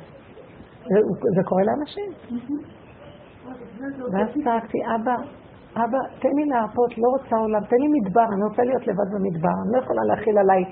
אז זה כאילו, זה לא שאת מכילה על עצמך, הדמיון שלך כבש את כל העולם וזה שלך, ואת רוצה, הדמיון חושב שהוא צריך להכיל. אני לא ביקשת לה שתכילי את כל זה, תכניסי אותי לעולמך. אני אסדר לך את החיים. תרפי, תעשי מה שאת יכולה, קטן, מינימום קיומי, סליחה, אני מצטערת על האיחור, מינימום קיומי, ותני לעולם להתנהל. מה את רוצה? שמתם לב איזה כוחנות יש לנשים ואיזה כוח של שליטה וסדר ומשמעת, ז'נדרמיות, לא סתם. מנהלות את הבתים, יולדות, מנהלות, זה כוחנות. רבנית, אחותי אלמנה אישה יתומים, נתפס, הצליחה שאני היא הייתה אצלי בסוף והיא פשוט, היא כמעט, היא עוד רגע מתאבדת. כן, כי אלמנה עם שישה ילדים. היא אישה, קוראים לה דידי.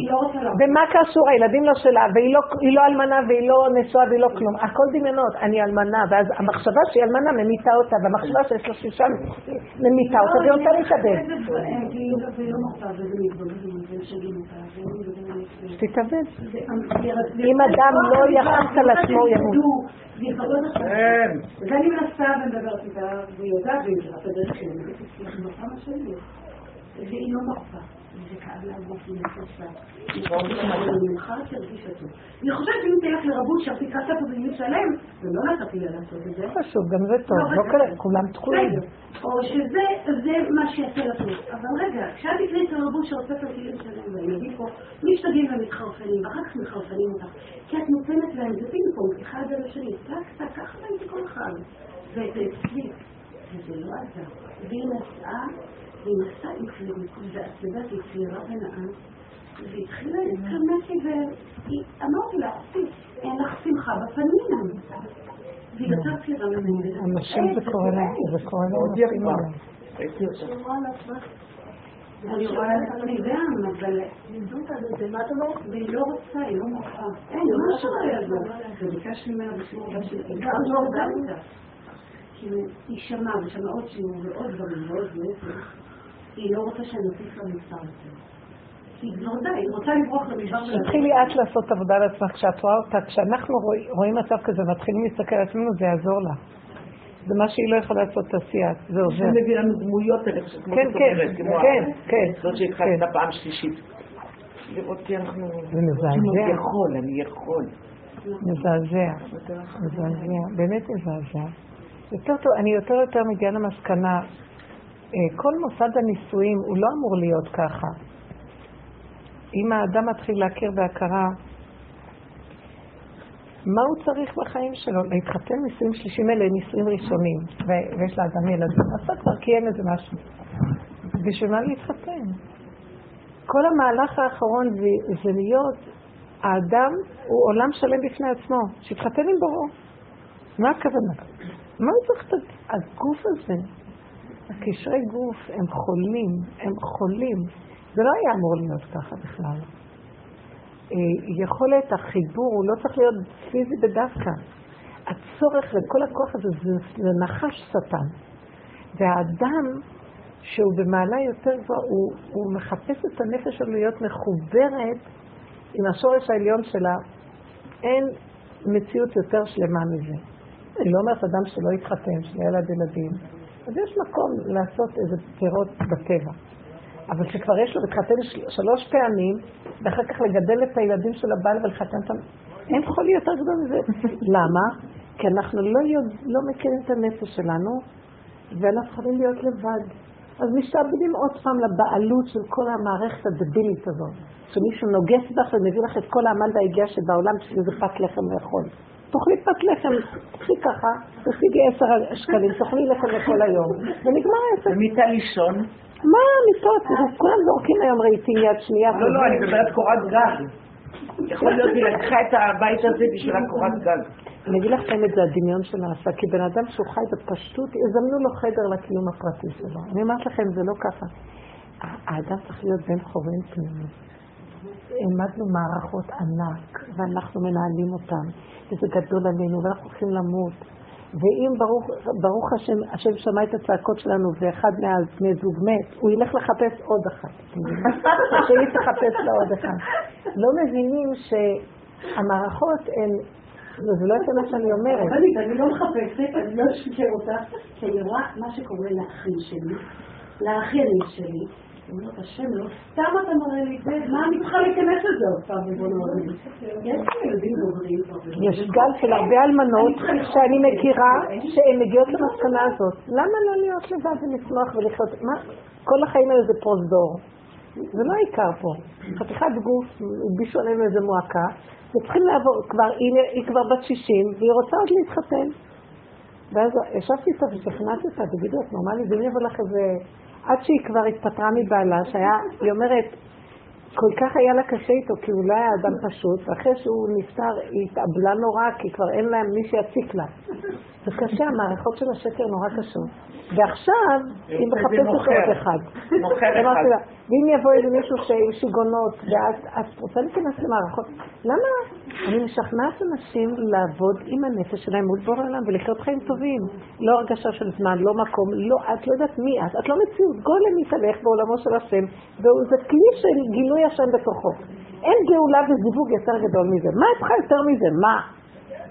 הוא ייתן לך את האהבה ואת החיות ואת השמחה, ודבר שלא תלוי בדבר, בדבר ההוא שזה, כל הנישואים האלה תלויים בדבר הזה, ולאף אחד, אז כולם הצטרפו. אין להם כוחות לאף אחד. לא, זה דמיון משוגע. העיקר שיהיה לי עוד מישהו שיעשה לי קידוש. אני לא, אני לא אכפת לי, תתחסנו, תעשו. אם זה חיים, תתחסנו עם בן אדם שאתם דרכו, שאתם מנצלים אותו כסיבה לעבודת השם. והוא בן אדם של צורה שיכול להבין את זה, ואז יש מערכות שלא טוב להיות האדם לבדו. אבל אם זה שני אנשים תקועים בטבע, ואחד רואה את השני ומנצל את השני בחוסר הגינות בשביל איזה רעיון שנקרא נישואים, מה זה הדבר הזה בכלל? למה? כל השם הוליד את האדם שחיים לבד עם מציאותו. הוא אמר לא טוב להיות האדם לבדו, בגלל שהאדם הוא הוציא לו את חווה מן הצלע, מהנקודה הפנימית שלו, שהוא יכול, הוא לא יכול לראות אותה בעיניו בטבע אם לא יעמוד לו מראה מולו. על מנת להכיר את עצמו, לא בשביל להיות חיבור עם חווה, בשביל שחווה תראה לו את המציאות הפנימית שלו, שהוא לא יכול לראות אותה לבד, כי הוא צריך מראה. ככה שמסר... אז הזיווג, עזר כנגדו. כשהוא עומד נגדו, אז הוא יכול לראות, לעזור לו לראות את עצמו. לכן כתוב, אדם שאין לו בנים חשוב כמת, כי הוא לא מצליח להוציא מתוכיותו את משהו, והבנים מראים לו מי הוא. כי ההתגשמות של הבנים מראים לאדם את עצמיותו. אז מה, הוא יורד על הבנים וכועס עליהם, אבל זה הוא עצמו. ומרגיזים את מציאותו שלו שנמצאת בפנים. ואם האדם מבין את זה ועובד, אז זה שווה הניסיון בשביל זה. אבל אם הוא לא מבין, והוא נתקל, והחיים הופכים להיות גנום, צריך לפרנס אותם במועקה עליו, וצריך לח... ומה יש מכל זה? בן אדם, אה, לא סתם בתורה אמרו שיעשה אה, עצמו אכזרי על בניו כעורב. כלומר, שמה, חייו אינם חיים? שיברח ויקיים את התורה של עצמו, במקום כל הזמן לדאוג לילדים הקטנים שלו, כי זה לא נגמר. שינשל את חייו, ולא, ולא ישעבד אותם לאף אחד. אתם יודעים שחז"ל אמרו את זה. וכל גדולי התורה, הרב אלישב לא ידע איך קוראים לילדים שלו. הוא לא ידע, הוא לא הרבה ילדים, לא ידע את השמות שלהם. הרב אלישב. כן, והיו, והתנאים הגדולים עוזבים את הבתים כמה שנים, הם השקיעו בחיים שלהם. כל אחד השקיע בחיים שלו. מה זה ההורות הנוראית הזאת שנמצא בעולם הזה? זה נחש גדול. הילדים הפכו להיות אלילות ועבודה זרה. ילדים, ולהשקיע בילדים, בחינוך, ולתת להם, ונפש, וגוף, ורוח, ומדרגה, וישיבות, וההורים נגמרים על כל דבר. בסוף הילדים מתחתנים ושמים עליהם פס. סליחה, כי ככה שברא, זה עולם אכזר. טיפש אתה הפסדת. אני לא אומרת שצריך להפקיר את הילדים, אבל ההפך, מקטנות לתת לכל אחד את המקום, אתה בפני עצמך. הנה הדוגמה שלך מולך. האבא או האמא הם דוגמה, איך שהילד יהיה. עם אצילות פנימית, לא להתבזות, לא להלחיץ, לא להיות כפייתי, לא להכריח, לא ליצור מצב של שלטנות, לצרף. אני, אני רואה את זה על עצמי, את יש לי בנים מדהימים, מתנה. אבל אני גם רואה שכשהם התחתנו, הם מפחדים מהנשים שלהם, ואז אני ראיתי, זה אני. כן, כן. מה, את מפחדת מבעלך? לא, הם מפחדים ממני, כי אני אה. פעם אחת הלכתי, אה, הזמינו אותנו לשיחה עם ההורים, הוזמנו, כן, לשיחה עם המחנך. היה שהילד היה בישיבה קטנה, אחד הבנים. אז תראה את המחנך הזה, הרב, הרב בישיבה, הרם, אז הוא שאל אותו, הילד, והאבא ואני והילד. ואז הוא שואל את הילד, את מי אתה אוהב יותר, את אבא או את אמא? ליד אבא וליד אמא. אני לרגע נעצרתי, אבל הילד ענה ככה, אני אוהב את אמא. לרגע הסתכלתי על בעלי והוא צחק קצת, אבל ראיתי שלא היה לו מה. אז הוא אמר לו, למה? אז הוא אמר לו, כי אני מפחד ממנה. איך הוא נהנה מהתשובה הזאת? הוא לא הפסיק, הוא עשה על זה אחר כך כנסים שלמים. מה זה מורה אם, ורק זה מה שמחזיק את הילד, כי הוא ילד שלמד טוב. אז uh, אני לרגע הסתכלתי ואמרתי, אז הם מפחדים ממני, זה מצד אחד החזיק, אבל מצד שני, הם, הנה, אנשים שולטות בהם, בלי שהם ירצו, מסכנים. והם מאוד מאוד טובים, מנצלים, כאילו, אין את הגבול שלה, כי הם אה, לא... כי, כי כנראה אני הייתי דמות חזקה מדי עליהם, או משהו כזה, בלי לשים לב, אם אני עושה הרבה תשובה עם, ה, עם ההמשך, דור ההמשך. יש לי סריות. הסריה הראשונה הלכה, הלך עליי. והתאוששתי, ראיתי הכוחנות, זה לא כוחנות סתם, זה כאילו החזקתי, והיה לי מוסד, והייתי זה, ובעבודה, ואנשים, והבית, והילדים, וחסדים, ומצוות, והורים זקנים בבית, והכל, ואני הצלתי, לא יכולתי להציל סמכות לאף אחד, הכל אני, אני, אני. אתם מבינים? זה משהו חזק, שולט, מנהל, מסדר. זה, זה, זה, מסוכן. כל השנים אחרי זה, זה, בוא נגיד, ב-15 שנה האחרונים אני רואה וזה הולך ונהיה משהו אחר גם. תרפי, תני להשם את המלכות, תני לילדים כל אחד, הוא מלך בפני עצמו. אל תעיזי לגוע בהם. את יכולה להגיד להם מילה, את יכולה להציע להם אפשרות בחירה. את לא יכולה, ואם הם לא עושים, זו הבחירה שלהם. ובסופו של דבר הם יראו שלא כדאי להם, תני להם את החיים. מה את לוקחת להם את החיים? והמטלה, מה, אם לא נשמור עליהם הם יתקלקלו, לא נכון, יש מי ששומר. אם את עושה עבודה טובה ואת חיה עם השם, בדיבור וצעקה, כמו שאנחנו עובדים פה, אם אני עובדת לקדוש ברוך הוא ואומרת לו, השלטנות שלי תרחם עליי, אני לא צריכה להם. אני לא צריכה, אני יצאתי ביום שישי, מישהי התקשרה, וראיתי שבמצוקה נוראית, והכל היה בלאגן בבית. אז לא ידעתי, אני כן אצא, לא אצא, כן אצא לדבר איתה. בסוף אמרתי, אני יוצאת. ואחד הילדים אה, אמר לי, אמא, אל תדאגי, תצאי ואני אנקה פה. חזרתי, כלום לא היה לי פה.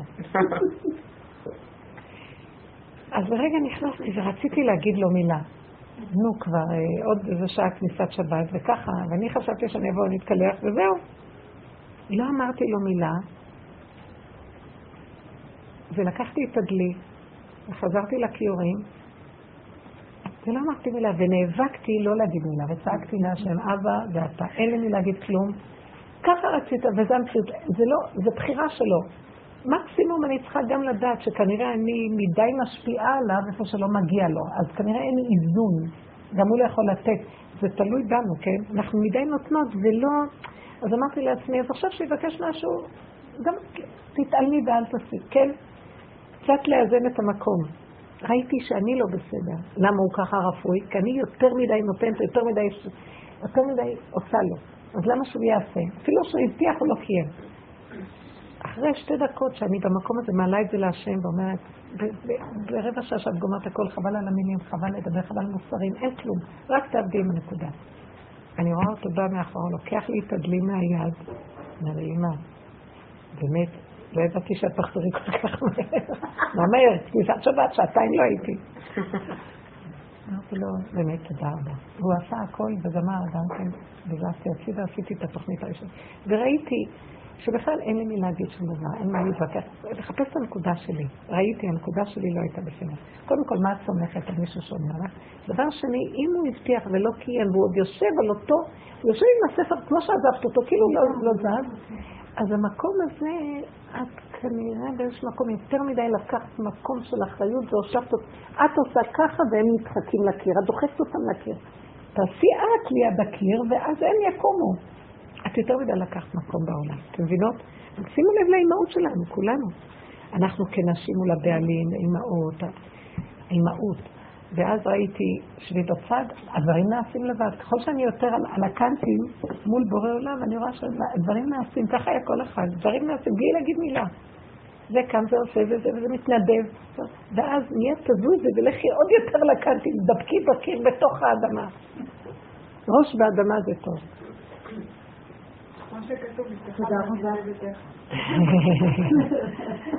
אשתך, האש שלך, של העשייה, שהיא תהיה בירכתי.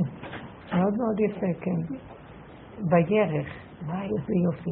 יוצא ירך יעקב. הירך זה האש של האישה. זה המקום של הילודה. שם את צריכה להתרכז, האש להשם. שיר השירים. לא פה, ופה, ופה. כל האש נגנבת ככה על ריק. היא צריכה להתרכז למטה, אש תמיד תוקד על המזבח, לא תכבה אליו. מי צריך עוד בעל שלישי? איזה טיפשים, איזה טיפשים. זה זיווג, זה שיר השירים עם בורא עולם, איזה טיפשות זו. והתחילה עם כדורים לפסיכיאטרים. אה, זה התחילה עם הכדורים, כן, כן. האישה הגדולה. מה אני אגיד עכשיו היא לכם? זועקת לבוא להוציא אותה מהבית. אבל לא יכולה לצאת מהבית מהפחד, מהנפש החלשה. זה קשה. מה יש? השם ברא עולם, וכל אחד בעצמו. את באה לבד לעולם, את גם מתה לבד, ואת צריכה לחיות גם לבד. מה קרה? ואת לא לבד, את עם השם. הבני אדם לא יודעים לחיות עם השם יותר, יותר מדי עם החברה. שימו לב לתוכנות החברתיות שיצאו בכל ה... אני לא מבינה בזה, אבל אני שומעת על הפייסבוק וכל ה... זה בית משוגעים. רגע אחד אדם לא יכול, אדם לא יכול רגע אחד להיות לבד עם עצמו?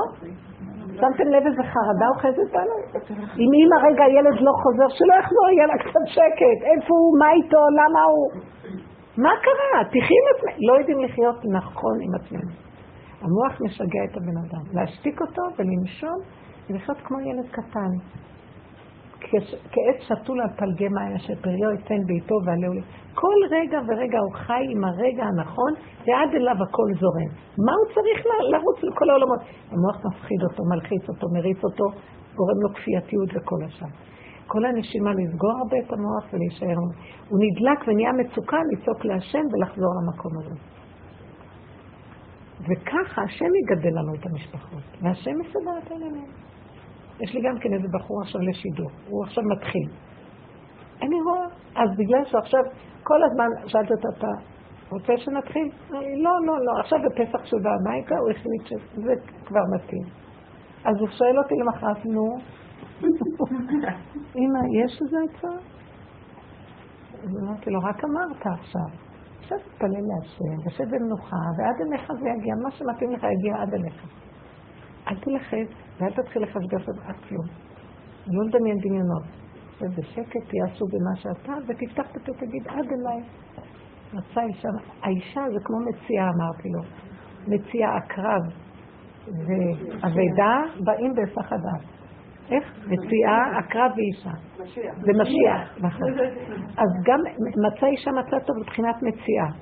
פתאום בהיסח הדעת. אז למה אל תכניס דעת תכניס- ואל תלחיץ לה על כלום, שום דבר, ותראה ישועות. וככה, ובכלל, זה המקום של הבן אדם, להיות במקום הזה. זה הבחינה של משיח באמת. ולמה הקרב? מה הקשר פתאום הקרב? כאילו, את המציאה והמשיח, זה כאילו אפשר להבין, אבל מה זה... כן, הבן שלי הגדול עבר לידו הקרב, והוא... סיפרתי על זה, חודשים, הוא יצא מחבר שלו, והוא הולך פתאום לקרב צהוב ליד שלו, בגלל לכאורה. ואז הוא בא ואמר לי, מה את אומרת? אני לא יודעת, מה חסר? מה- את אומרת? אני כבר כמה חודשים לא הולך עם ציצית, מה את אומרת? לא הולך עם ציצית. שלך. מאז הוא קיבל על עצמו ציצית, אבל שוב התחיל, כאילו, ציצית זה טוב לשמירה. אבל הוא לא הבין את המשמעות של למה הוא עבר לידי. הפרשת ציצית, החלק השלישי, יש שלוש חלקים בקריאת שמע. פרשה ראשונה, שנייה ושלישית. השלישית זה הציצית. וציצית זה בחינה של משיח. והקרב זה משיח. למה הקרב? כי אה, המילה עין קוף זה מתחילת מצוקה, מצוקה. מתקרבת מצוקה. משיח לא יכול, אי אפשר לגלות מציאות של משיח בלי, והוא פתאום. העקרב מופיע פתאום, פתאום הוא מופיע, את לא יודעת איך הוא פתאום מופיע, מאיפה בא העקרב? וגם משיח בא פתאום, פתאום יבוא אדון אליך לא. והוא מציאות של מצוקה, המצוקה מעוררת את הבן אדם לזהות. כל טיפה שיש לכם מצוקה, תבינו שיש שני, דברים הפוכים, זה המקום שבאנו. תניחו את השם. אתן לא יכולות לסדר שני דברים הפוכים. והמוח מנסה להתגבר, שהימין יתגבר על הטוב. את רוצה משהו ולא הולך לך עכשיו לסדר את מה שאת רוצה. זה שני דברים הפוכים. והמצוקה נוצרת כתוצאה מזה שאין לי פתרון לשני דברים הפוכים. המצוקה הזאת זה להעלות אותה להשם. זה גילוי משיח. כל מצוקה זה המקום של משיח דופק. אבל לא על מנת שנפתור את המצוקה, אז הפסדנו אותו. זה על מנת שאליו.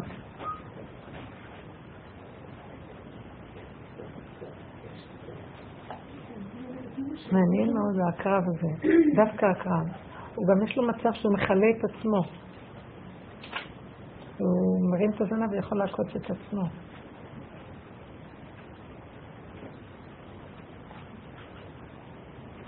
כל המסר בשיעור זה, אל תלכו בכוח. הלוואי ונפתח איזה מנגנון שנעצר ומזהה את המצוקה. אתם יודעים שיש לנו מצבים שאנחנו כבר לא מזהים שאנחנו מצוקה, כי הכוחנות כל כך גדולה, והרצון לפתור ולשלוט במצב, והמצפון והמחשבות וכל זה כל כך גדולים, שאנחנו לא נזהה את הנקודת אמת הזאת. וזו נקודה של הקרב. התקרבות לנקודה של המצוקה, ולזהות אותה, ושם לחבר אותה ליסוד שלה. לא שאת תעשי משהו, אין מציאות לך, יש רק הוא יתברך. את לא מציאות, זה דמיון המציאות. ועשינו מהדמיון המציאות הזאת מציאות מאוד גדולה, אנחנו כל הזמן מתהלכים שזה אנחנו. את אומרת, אני סילקתי את הזקנה, זה לא את. אם אין, אין כזה, את לא היית יכולה להכיל אותה, זו האמת הכי פשוטה. למה באותו רגע שהיא באה, למה לא היה לך מצפון תחזקי אותה? למה מצפון בא אחרי? הבנתם איזה מצחיק המצפון הזה? סילקה אותה לעילה או לעילה. אחר כך בא המצפון. המצוקה הראשונה שנהייתה לך מזה שראית אותה, תעלי את זה לשבת, תגידי, אני לא יכולה להכיל כלום. אני לא יכולה להכיל. תעזור לי ואתה תכיל את המציאות. הבית שלך, החיים שלך, המציאות שלך, האנשים שלך, לא שייך לי כלום. אם הייתי זזה קצת הצידה ומוסרת את החיים, הדברים היו שונים. באמת, אני ראיתי את זה. זה קשה. יש לנו רצון לסדר, לשליטה. ל... מה אתם אומרים? מה?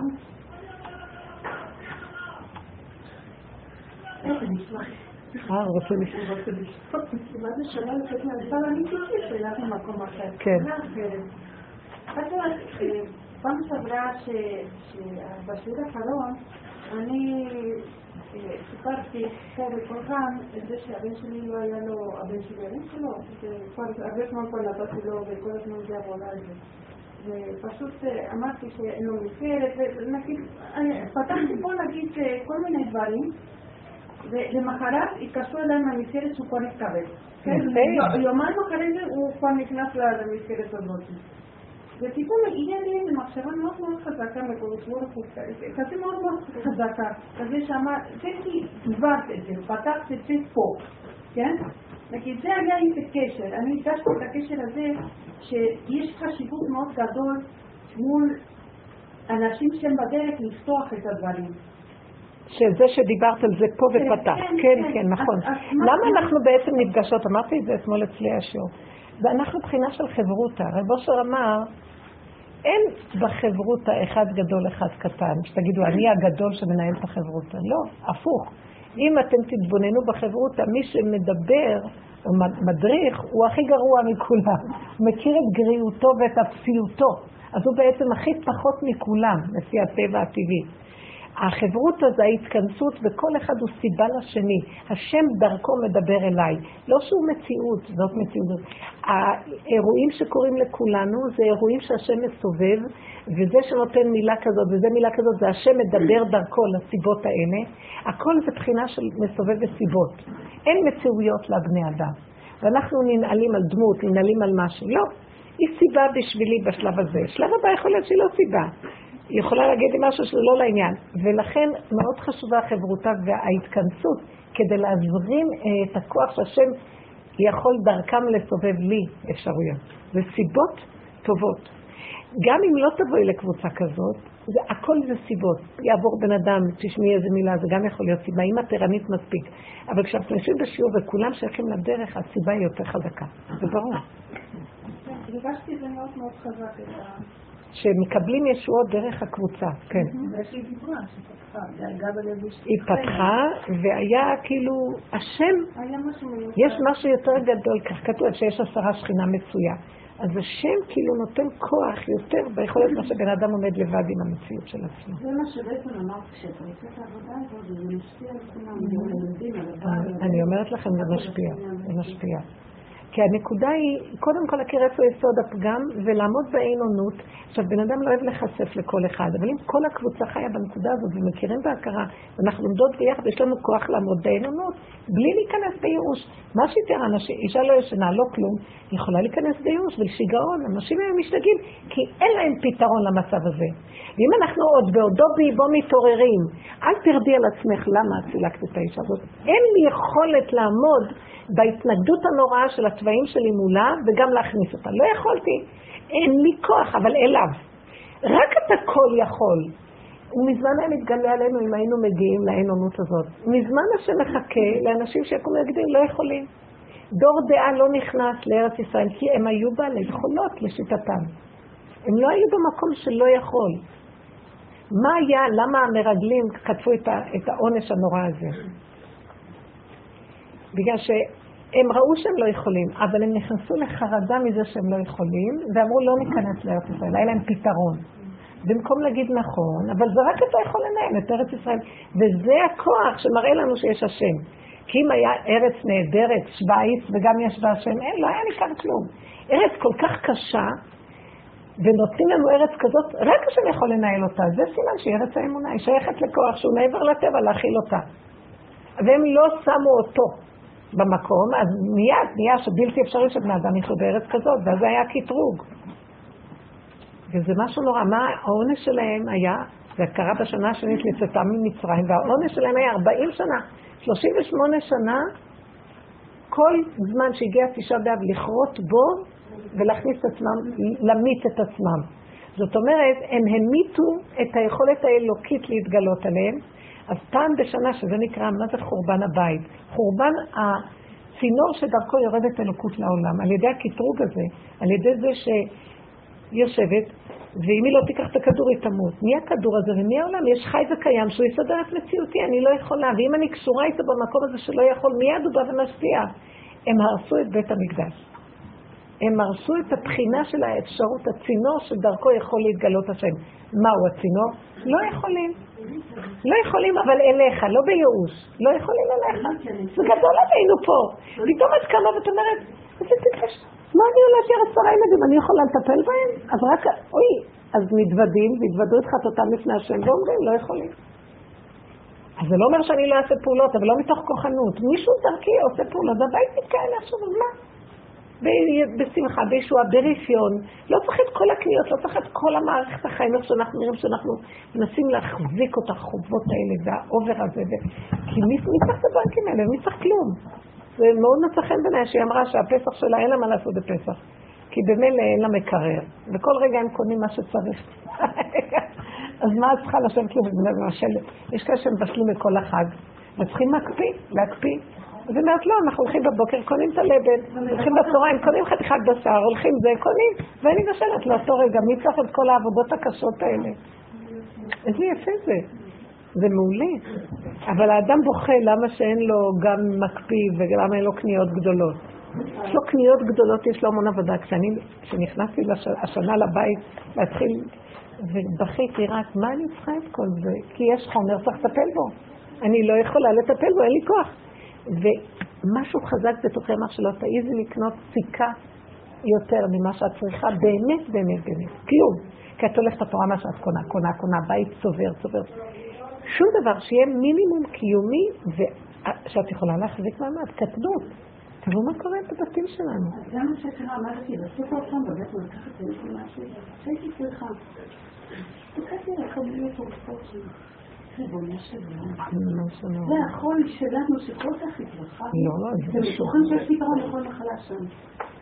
והרופאים לא בטוחים כלום, תנסי את זה, תנסי את זה, תנסי את זה, ואת הופכת להיות כור היתוך של ניסיונות של רופאים ומעבדה, אנשי מעבדה. זה משגע. וכמה עולה כל כדור? הכדורים יקרים, כל דבר יקר היום. אז מה, מה העבודה היא? הצמצום והפשטות והצעקה לבורא. ולחפש את, את הברומטר שמראה לי, אה, אה, אה, את על, על, על הקו, תזהרי. אבל אם אתה לא ככה, ואתה כן סיפור שצריך להכין מראש, במקרה זה אני, אני ידעתי שהשם כן מאוד עזר לי, שהכל נעשה והכל נהיה. בסדר. אני לא יכולה להיות בלוט, כן? עם כל האוכל וכל החמש. אז זה אבל אני יודעת שזה את השם, אין כל דבר ביקש ממנו שהוא ייכנס. כאילו את אומרת, הוא עזר לי למלוך, אבל הוא עדיין שבוי אצלי, אני המולכת והוא שבוי והוא עוזר לי, כן, זה, זה המצב בגלות. הוא עוזר לנו, בטח, אבל הוא בגלות. אני רוצה לשחרר אותו, אני צריך להיות שבוי אצלו ולא אחר. אני לא יודעת איך אני עושה שזה לא אני.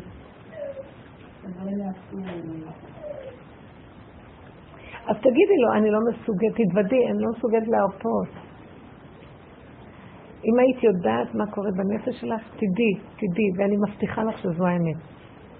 את, לא רק את, כולנו שנוהגים בצורה הזאת, אנחנו כבולים במערכות של המשפחה והחברה וה, והמחויבויות השונות, וזה על חשבון החירות הפרטית האמיתית. האדם הולך לעולמו, בשנייה אחת הוא פתאום אומר, איזה בזבוז חיים, 80% ממה שעשיתי זה סתם חיצוני ואין בזה נפח ואין בזה כלום, לא חבל. אני לא חושבת שזה היה כלום. זה אנשים שאם לא היו אצלי, אז לא היה להם לאן ללכת. טוב, זה גם נחמד, אבל יש משהו יותר נחמד וגדול מזה. החירות הפרטית היא יותר גדולה מהעשיית. השם מזמן לכל אחד באשר הוא איזה, איזה זכות להתקיים. גם האנשים, גם הגויים יש להם זכות, וגם אה, היהודים חילונים יש להם זכות הכל. אבל יש מדרגות יותר מזה. חירות האדם, הרב אלישיב לא ויתר על החיים שלו בשביל אף אחד, ולא על התורה שלו בשביל אף אחד. הוא לא ויתר על נקודת האמת שלו, והנקודת האמת שלו היא, הובילה אותו, הבנתם? והוא זכה, כולם נשארו פה, והוא זכה, הלך לעולמות, נגמר הכל, צחק על כולם. ואנחנו מוכרים את מציאותנו בשביל כל מיני.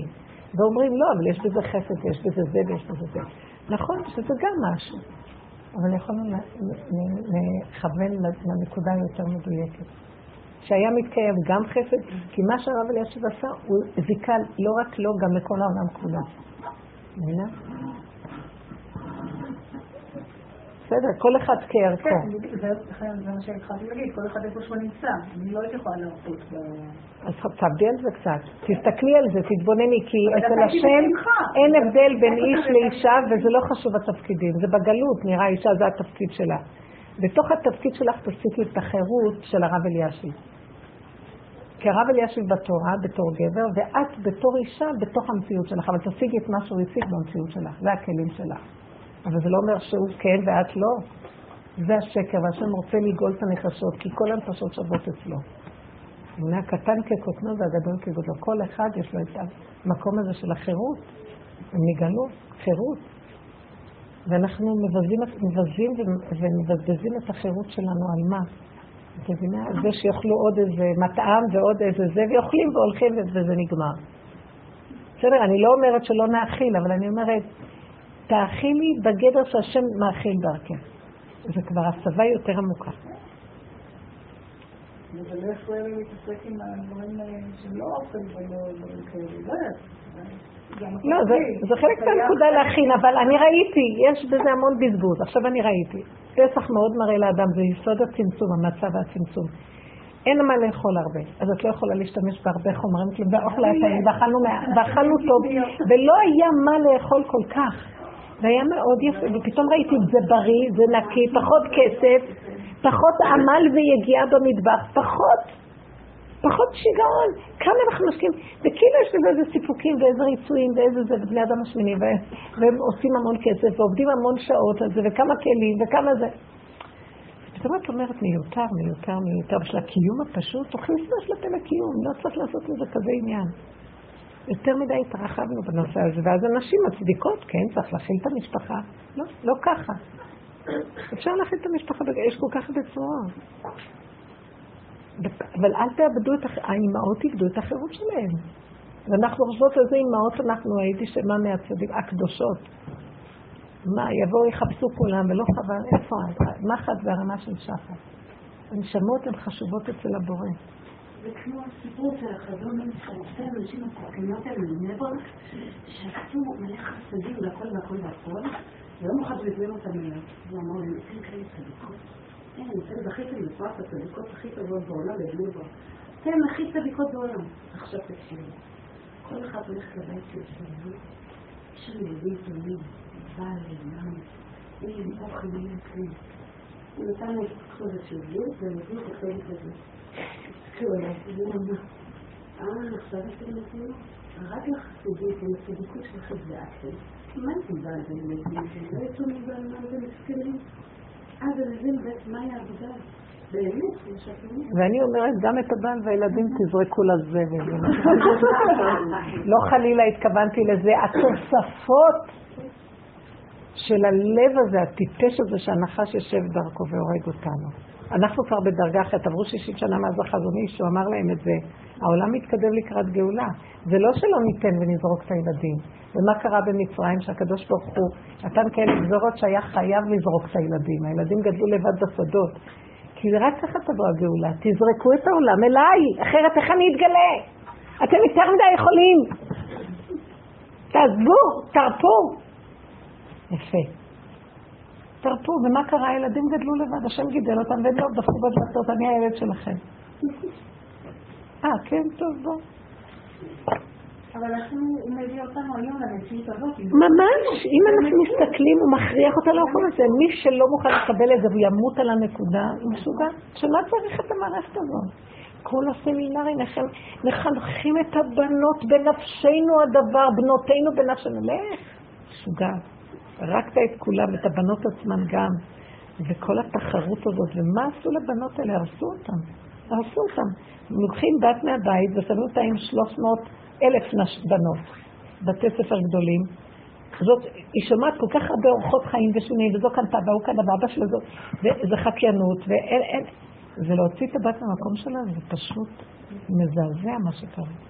מילא תוציאו את הבנים לישיבות, גם זה לא היה טוב. יותר מדי הם חשופים ושומעים ורואים ויודעים אחד מהשני. כמה שהם יהיו צדיקים הם חשופים. זה לא טוב לחשוף כל כך הרבה לגדלות. שיטת הגדלות היא מאוד מסוכנת. ממסדים גדולים מסוכנים. אי אפשר להישאר בתמימות. מה אכפת שיושב בחיק המשפחה, מקסימום עוד שתי משפחות, שלוש בסביבה. ושם, מה זה כל החשיפה הנוראית הזאת? ואז יש, מעודדים את הכישרונות והיצירה ופותחים, אה, ואז יש אה, הצגות, ויש בבנייני האומה אירועים עד אחת בלילה, והם מוצאים תמיד של ההורים עם הכספים וטיולים ועניינים ומחנות. והבנות האלה פשוט משוגעות. מגיעות להתחתן, מתחתנות, וגם כן איזה דרישות ואיזה... כמה כדי להתחתן כסף צריך. כי זה משוגע, כי זה תחרות, כי זה אחת מול אחת. וכשהן מגיעות לבתים שלהם, הן באפיסת תקופות לבנות את החיים שלהם. ההורים ממשיכים להחזיק אותם, כי הם לא יכולים. הם לא יכולים. עכשיו, שנתיים, שלוש ראשונות בכלל הם אוכלים אצל ההורים. משהו מזעזע. לעשות שבת אצלהם זה לוקח הרבה זמן עד שהם החליטו לעשות שבת אצלהם. אותו זוג. אין להם כוח. פינוק ושיגעון, וההורים כן, חיים דרך הילדים, כי הם השקיעו את החיים שלהם בילדים, אז הם מחייבים גם את הילדים, ואז תשקיעי את החיים שלך בך, את נולדת אדם, עץ בודד בשדה עם עצמך, הוא בורא עולם. מה את רוצה מהשני למצוא את המצוות דרכו? וזה מה שקורה. אין, אין, אין עבודה נכונה, אין אמת. לשחרר, לשחרר ולהרפות, שיבואו, יבואו, שילכו, שילכו. ההפך, הדוגמה האישית זה לא להיות תלוי בשום דבר. הם תלויים ותלויים, ועכשיו היא התחתנה, אז היא תלויה בבעל, והבעל תלוי בה, אחד תלוי בשני, ואיפה השם? אין, אין מציאות השם אצל הבני תורה, אתם לא מבינים, זה משהו מפחיד. והזוגיות הזאת, והצרכים האלה, וכל היום רצים עליהם. כן, בשביל לקיים את התורה, אבל התורה אין בה חיות כבר. וזה קשה מאוד מה שנהיה. ואנשים בדרך כלל מתגברות, זאת אומרת כוח הטבע מתגבר, אז הגבר, גם התורה של הגברים נהייתה נורא פשוטה. ארבע שעות, וארבע שעות באמצע הן מטפלות וחותמות את הילדים. ישועות. השם, המערכת היא מערכת שחייבת להתעסק, כי זה סוף. זה היה טוב בשעתו המערכת הזאת, כאילו, להקים בית יעקב לעשות, אבל זה יתרחב ברמה שחייבים את השם והגילוי שלו בעולם, ועל ידי זה שאנחנו נעצור ונמסור לו את הכפייתיות שלנו ונצעק אליו שהכפייה תהרוג אותנו אם הוא לא יתגלה עלינו, ולחפש את הכפייה בדרגות מדרגות שונות, בכל מיני מקומות, לא להצדיק. לא, לא חייב שאני אכין כזאת סעודה, לא חייב. אני ראיתי הרבה שקר בתוך עצמי שרוצה לרצות ולהרשים ולהראות ושיהיה לו כבוד, שקר. אז זה על חשבון החירות הפנימית שלך עם בורא עולם. כל זה לא יעמוד לך בזמן המיטה, בן אדם הולך ורואה פתאום איזה בזבוז חיים. בשנייה אחת הוא רואה איך הוא בזבז 80% מהחיים על שטויות. חבל. שהשם יזכה לנו לדייק ולהיות, שהחיים יהיו שייכים תורת השם, תורת השם. נהיה בתוכה. ככה בדורות קודמים הם היו בצמצום גדול והם זכו, הגברים לפחות, בנקודה אחרת היום זה נזכה בעזרת השם להחזיר עטרה ליושנה. תודה רבה לכם. יישר כוח גדול. כן,